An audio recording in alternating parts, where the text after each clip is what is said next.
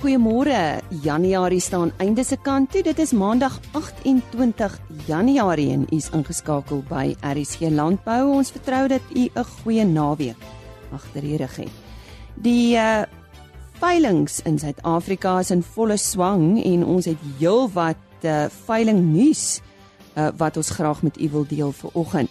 Dan praat ons met Agricol oor die voordele van grasmengsels en ons gesels ook weer sake. En nou is dit tyd vir veilingnuus. Heel eerste op die 31ste Januarie die Blouberg aanteelveiling by Vivo in Limpopo. 100 koeie en 100 kalvers 3 in 1, 50 dragtige verse, 60 oopverse en 140 speenkalvers word opgeveil deur Vleis Sentraal. Die Bosvelder studiegroep veiling vind op die 2 Februarie plaas by die Warmbad Veemark Bella Bella. 25 ramme en 150 ooe word opgeveil deur Vleis Sentraal. Stefan Greiling is die afslaer. En dan die Take 3 Genetics 'n boerbok produksieveiling vind op die 2 Februarie ook plaas by die Afridome Parys. 30 ramme en 100 ooe word opgeveil deur Vleis Sentraal. Die afslaer een groblaar. Tot sover dan veilingnuus. 8085 En hy vertel ons ook nou van 'n veiling wat die einde van van dese week plaasvind. Ons uh, praat nou met Arthur Bloufield oor 'n veiling wat binnekort gaan plaasvind. Dit is die Blouberg aanteelveiling. Wanneer vind die veiling plaas, Arthur?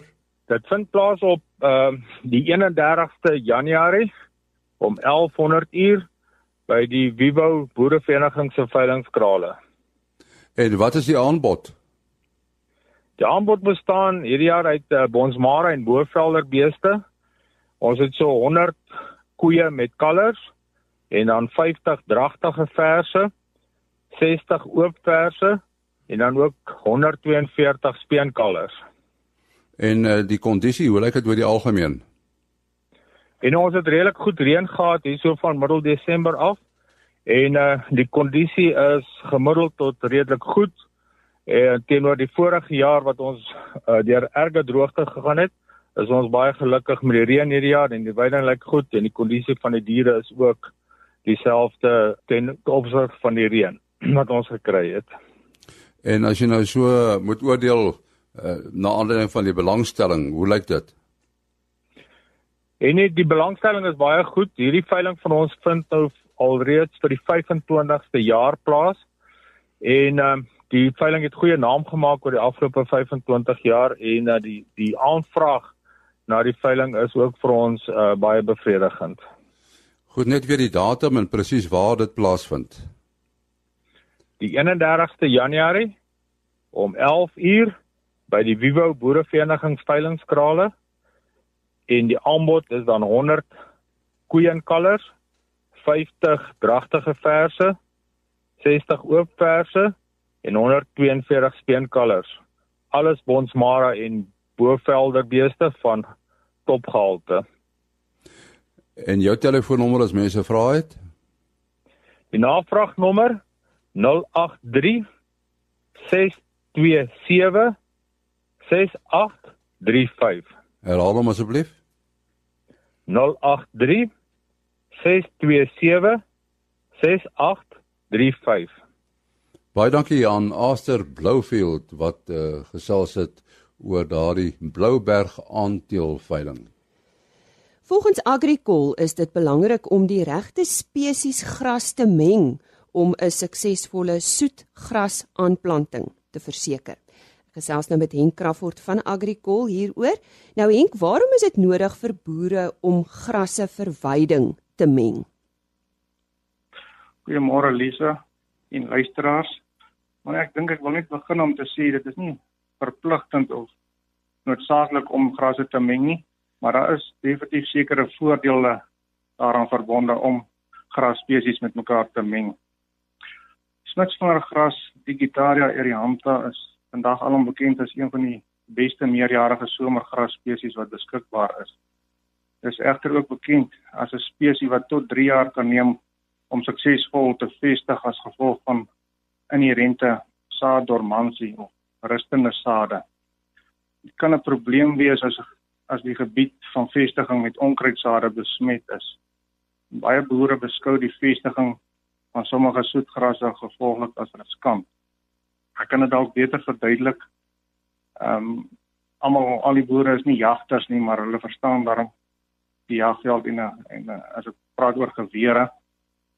Uh jaggeweer skiet gewoonlik net een koel en as jy op 'n teiken skiet, het jy net een kans om die teiken raak te skiet. Waar jy met 'n haalgeweer skiet, het jy 'n groter kans om die teiken raak te raak te skiet. En daarom dan omtrent die vergelyking met die mengsel van grasse omdat jy 'n groter kans het op sukses en die verskillende spesies wat elkeen hulle eie unieke eienskappe het. Om die rede het Agricol verskillende mengsels saamgestel om spesifiek die vestiging risiko uit die weg te ruim. Sekere mengsels is dan ook meer doelspesifiek vir verskillende behoeftes. Maar die nuutste toevoeging tot ons mengselreeks is dan aan die bosveld mengsel wat ons vandag oor praat. En hy is dan presies omtrent as ek bedoel het van die algeweer 'n uh, mengsel wat 'n wye trefkrag het as ek dit so so kan stel. Goed nou maar wat is die algemeenste foute wat boere maak as dit kom by mengsels? Ons sien in die veld die grootste fout wat die boere maak is om die frustrasie van stadige vestiging te oorkom en onkruidgroei te onderdruk. Kombineer boere verkeerdelik soetgrassade met Eragrostes tef. Hoewel hierdie mengsel oor die kort termyn 'n oplossing kan wees, kan dit oor die lang termyn rampspoedige gevolge hê. Wanneer meerjarige soetgras met tef wat 'n eenjarige suurgras is, kombineer word, lei dit tot ongewenste mengsel van soet en suurgrasse wat onsmaaklike veiding en selektiewe benutting deur diere kan veroorsaak. Die TEF-komponent kan ook verder 'n bron van ongewenste meerjarige Eragrostes spesies soos oulandsgras, Eragrostes curvula en taipolgras, Eragrostes plana bevat. En die grasse onderdruk dan op die einde van die dag jou soetgrasmengsel wat jy eintlik in oog gehad het om aan te plant. En dit kan dan op die einde deur die Eragrostes spesies oorgeneem word. Kom ons gesels oor julle aanbeveling. Wat beveel julle aan? Agricol beveel aan die regte spesies met mekaar te kombineer. Dit is baie belangrik om die regte spesies te kombineer om 'n suksesvolle soetgrasaanplanting te verseker. Daarom word Agricol se eksklusiewe bosveldmengsel sterk aanbeveel. Die mengsel bestaan uit die volgende grasspesies in verskillende verhoudings tot mekaar. Daar ses verskillende tipe grasse in, naamlik smitsvingergras, roodsgras, witbuffelgras, bloubuffelgras, borseltjiegras en kleinbuffelgras. Die groot hoeveelheid komponente maak hierdie soetgrasmengsel uniek, veral omdat boere soveel veranderlikes in ag moet neem wanneer hulle veiding vestig. Eerstens is van die komponente baie aggressiewe vestigers soos roods en borseltjiegras wat onkruid tot 'n mate onderdruk en die spesies wat stadiger vestig 'n hupstoot gee. Tweedens skep dit 'n konsortium van verskillende soetgrasse wat in simbiose met mekaar groei. Dit is voordelig vir grondgesondheid en koolstofvorming en is veral aan te beveel op wilsplase en boere wat daarna kyk om veld te verbeter of veld te versterk. Jy tydens jou eerste antwoord het jy verwys na 'n paar voordele van 'n mengsel. Noem vir ons 'n paar. Eerstens is die verlengde produksieperiode. Aangesien so baie spesies in die bosveldmengsel voorkom, skep dit 'n verlengde produksieperiode omdat alle grasspesies se piekproduksietye verskil. Hoewel hierdie grasspesies goed saam met mekaar in 'n mengsel groei, verskil gronde van gebied tot gebied.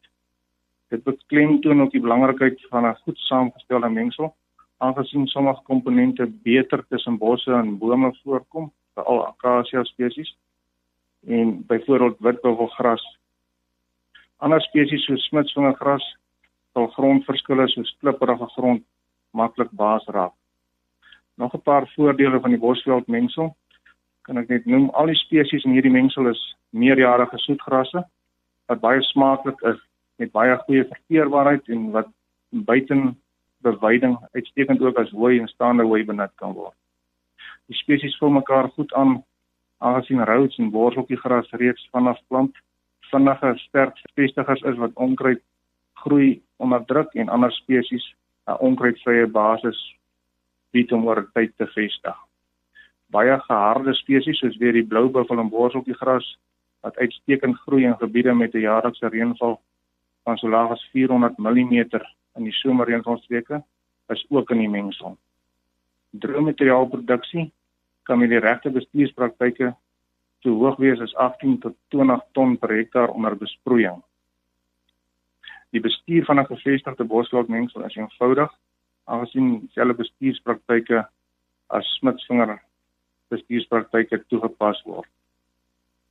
Hierdie mengsel kombineer ook verder goed met 'n uh, peulgewasse, meerjarige peulgewasse soos soet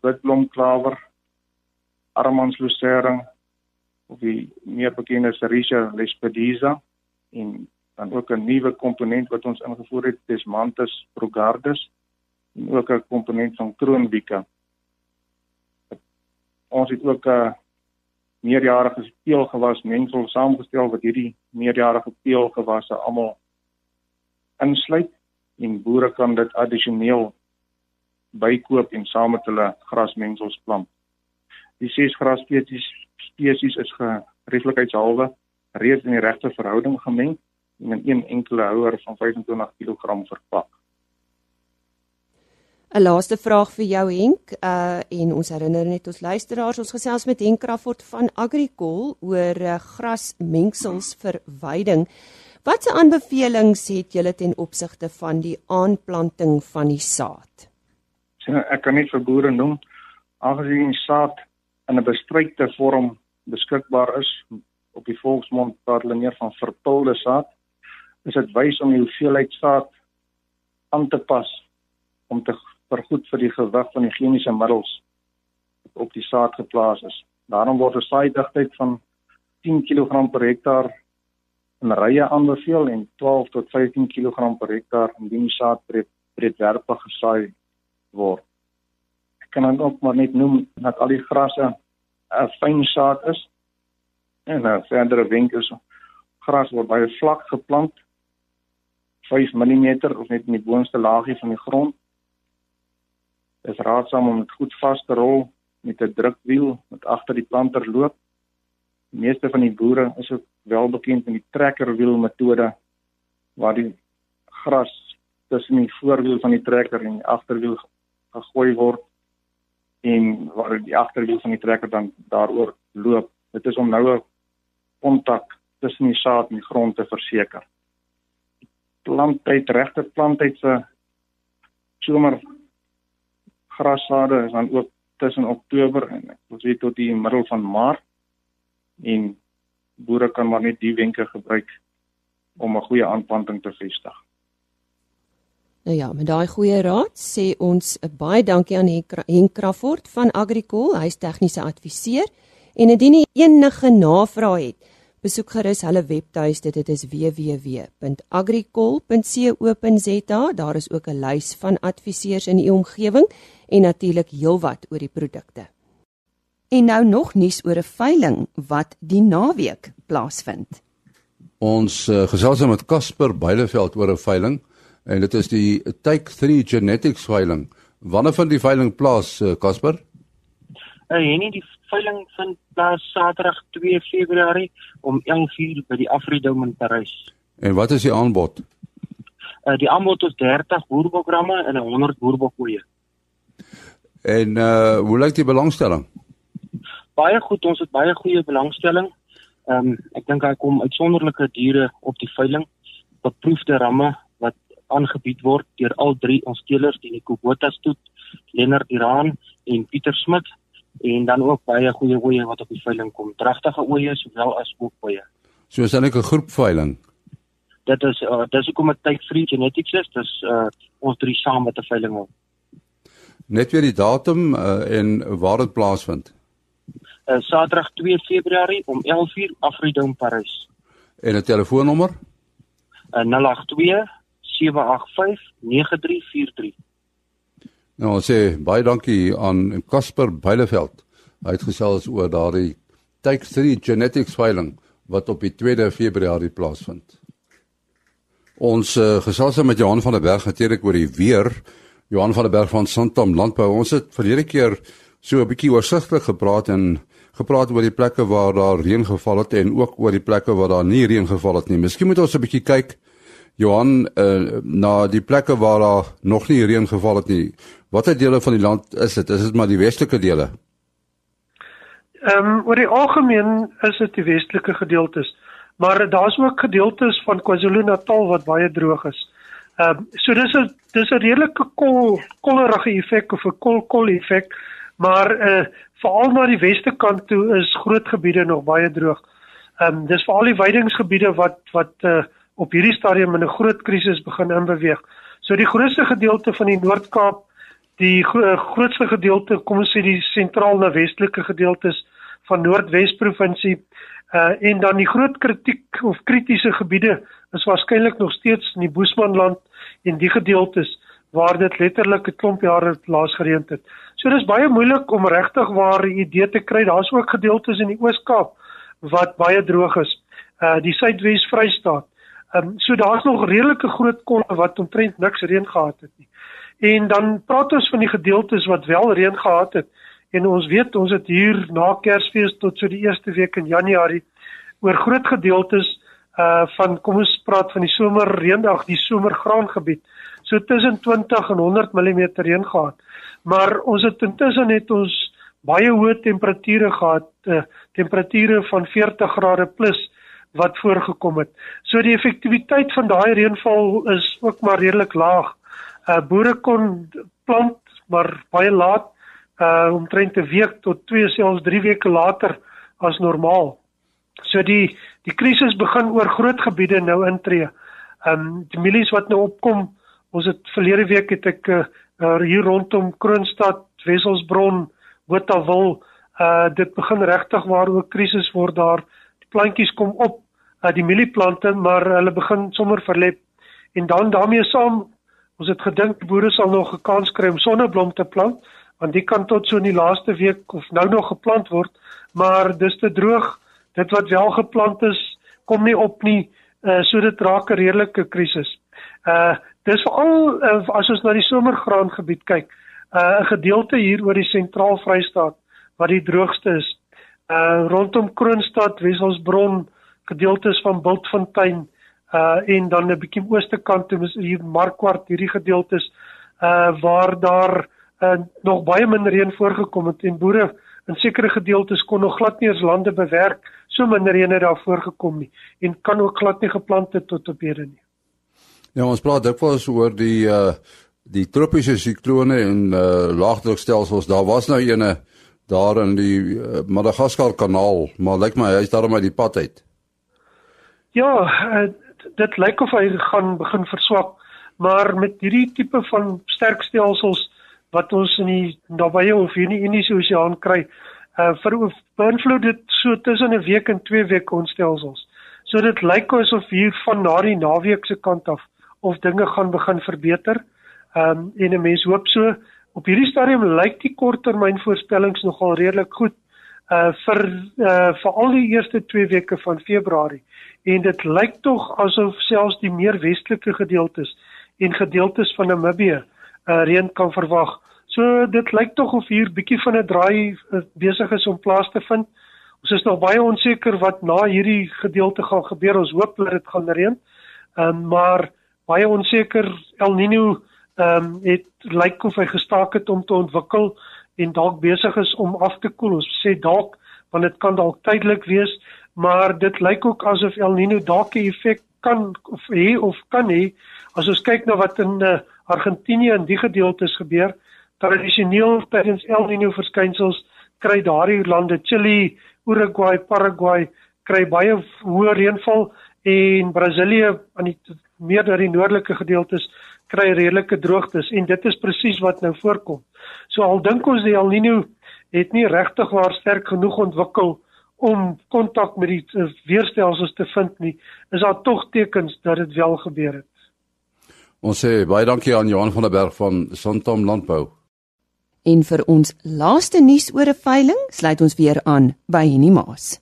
Ons uh, gesels nou met Gawie van Herden van uh, Consortium Merino en uh, ons praat met hom oor uh, veilinge wat plaasvind. Uh, Gawie, uh, daar's binnekort 'n veiling. Vertel vir ons daarvan.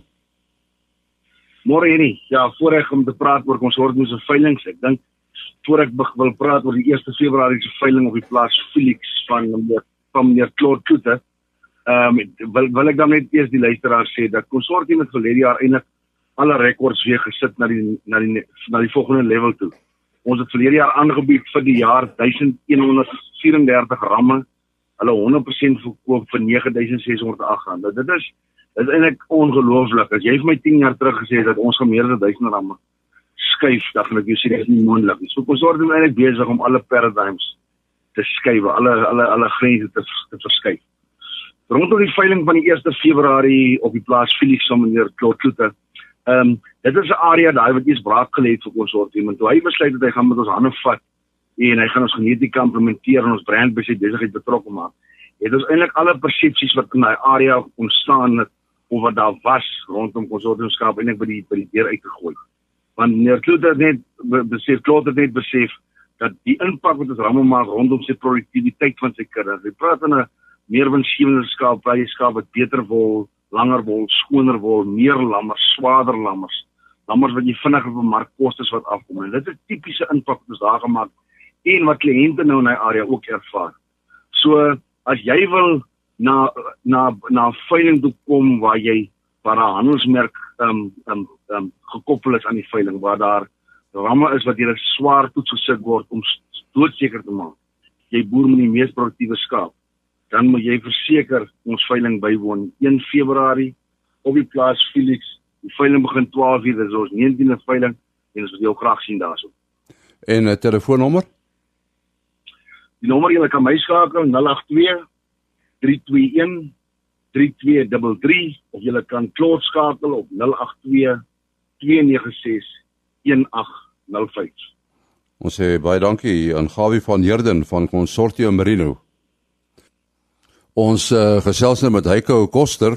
Hy is 'n uh, voedingkundige, maar ons gaan met hom praat oor strategiese voervloeibeplanning. Uh, wat wat word bedoel uh, presies met strategiese voervloeibeplanning, Heiko? En dit is basies om vooruit te kyk na hoe jy jou voedingsbeplanning ten opsigte van jou behoeftes op die plaas in plek sit. Ehm um, dit daar is verskeie maniere om dit te doen. Daar's verskeie goed om na te kyk en dan is die besluit ook hoe en wanneer jy dit gaan aankoop as sulks. En as jy mens nou praat van goeie vee vloeibeplanning, wat beteken dit? As jy praat van vee vloeibeplanning, dan is dit basies die diere se behoeftes ehm um, wat hulle daagliks moet inneem om hulle onderhoudsbehoeftes en produksiebehoeftes te kan aan voldoen uh en dit hang af van watse produksie norme of omstandighede jy in boer. As ons praat van veld uh weidings, dan is uh is dit 'n kombinasie van hooi en gras. Uh, ons het altyd maar 'n duimreël van 'n derde van jou totale weiding uh moet vir die somer beskikbaar wees en 2/3 moet basies vir die winter beskikbaar wees. En as 'n mens nou nie genoeg veldweiding het nie of oesreste het nie, dan sal 'n mens moet beplan om ook hooi in te koop of te produseer as 'n mens self die geleentheid het. So daar is makrofaktore wat 'n rol speel, né? Nee? Daar's groot makrofaktore. Ek meen die eh, die grootste een in die Suid-Afrikaanse boer se situasie is is 'n reënval. Ehm um, ons is 'n uh, uh, ons het baie wisselvallige reënval. Uh ek dink die ander makrofaktor is is die hoeveelheid diere wat jy op jou plaas het, uh dat 'n mens nie oorbewei nie oor jare nie. Die derde rede is goeie kampstelsels, genoeg kampe dat 'n mens die diere gereeld kan wissel en die gras kan geleentheid gee om uit te groei. En dan is daar die pryse uh waaroor ons almal praat en ons is baie afhanklik van internasionale pryse uh, en lokale pryse, maar baie van ons produkte word ook internasionaal verhandel of ingevoer en so het die wisselkoers en Chicago Board of Trade en ander markte 'n groot invloed op wat ons pryse gaan wees uh, soos wat ons vorentoe gaan. Ja, mens moet ook seker bepaal wat die voerbehoeftes van vee is, né? Nee? Dit is dis is beslis so. So mens moet gaan kyk na jou kudde samestelling. Mens moet gaan kyk na wat is die doel wat 'n mens wil bereik.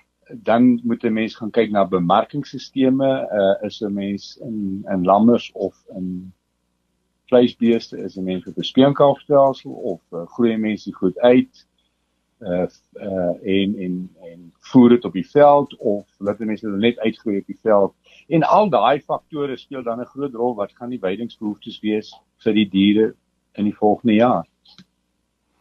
En as 'n mens nou kyk na 'n boerdery, jy weet daar's gedurende opsies waar tussen jy moet kies en diferensieer. Watter rol speel dit? Dit hang af van my elke boer se omstandighede uh kontantvloei speel 'n groot rol, die tipe van plaas wat hy het, uh kwaliteit van weidings. Uh is hy 'n saaiboer en subsidieer of nie subsidieer nie, maar uh gebruik hy die oesreste om sy diere deur die winter te kry. En al daai faktore speel dan ook 'n rol op uh um kalwingsintervalle. Wanneer sit 'n mens die bil by die koeie, wanneer laat jy kalf en hoe laat jy hulle uitgooi wanneer die kos op die beste is wat dit dan betref. Berging van van voer Beslis. Ek ek dink die as as ons gaan kyk na spesifiek een van die groot bergingsprodukte wat die boere het op die plase is is is bale, grasbale. Nou die die die eerste prys sou altyd wees om dit onder dak te hê of onder 'n seil te hê. Dit dan dit 'n mens so min as moontlik skade kry op die voer. 'n Bale moet veilig gestoor word in in 'n deel van die plaas waar dit nie ehm um, kan brand nie, dat dit veilig is. En dan ook kom 'n mens terug na die gras en die snystadium van die gras en die bemesting van die gras want dit speel ook 'n baie groot rol op die kwaliteit van die gras. En hoe meer 'n mens daarbey insit, uh hoe beter moet daai gras gestoor word om so min as moontlik uh voedingsstofverliese te kan uh, kry op die uh, op daai tipe van voere. Wat veld aan betref, ja, dit is genoeg kampe, kleiner kampe, uh beplanning vir die winter en toemaak van die kampe. Dit hang af van elke area wanneer jy daai kampe toemaak om vir die winterweiding uh, kos te hê. En dit speel ook 'n groot rol ten opsigte van meer op uh kwantiteit altyd as partytjie kwaliteit. En dan jou laaste en baie belangrik natuurlik is die koste van finansiering, né? En nie, dit is dit is 'n baie groot faktor en uh, ons het baie keer die debatte veral as ons gaan kyk na die mieliebedryf uh, waar boere sê hulle stoor hulle mielies in 'n silo. Dan het hulle baie rentefaktore, hulle het stoorkoste wat dit aanbetref. En daar moet baie goeie beplanning gedoen word in opsigte van dit om te sê moet ek nie maar my mielies net verkoop en dan myself gaan verskans vir die tye wanneer ek mielies weer gaan benodig. Uh mielies is altyd beskikbaar en word altyd verhandel op die mark. Wat hooi aanbetref nog 'n groter issue en dit is die die die die die, die kwaliteit wat agteruit gaan sodat 'n mens die hooi ehm um, stoor en vogverliese wat 'n mens op die hooi kry en jy weet vogverliese kan baie maklik wees 5 tot 10%, rentes kan baie naby aan 10 tot 13% beweeg. So mense moet baie goed kyk wanneer en hoe jy die uh, aankoop of stoor van hierdie tipe van produkte op die plaas aanhou. Ja, ons sê baie dankie aan Heiko Kuster wat gesels het oor strategiese voervloei beplanning. Dankie Henny en dit is dan uh, die einde van vandag se program. Dankie dat u by ons aangesluit het. Ons gesels môreoggend oor melkvoedingsstelsels en uh, moderne tegnologie wat deesdae gebruik word. Ons gesels ook met 'n prokureursfirma oor servitiete. Dit is van die nuus môreoggend op RSG Landbou. Tot môre dan. Totsiens. RSG Landbou is 'n produksie van Plaas Media. Produksieregisseur Henny Maas. Aanbieding Lisa Roberts. En inhoudskoördineerder Jolandi Root.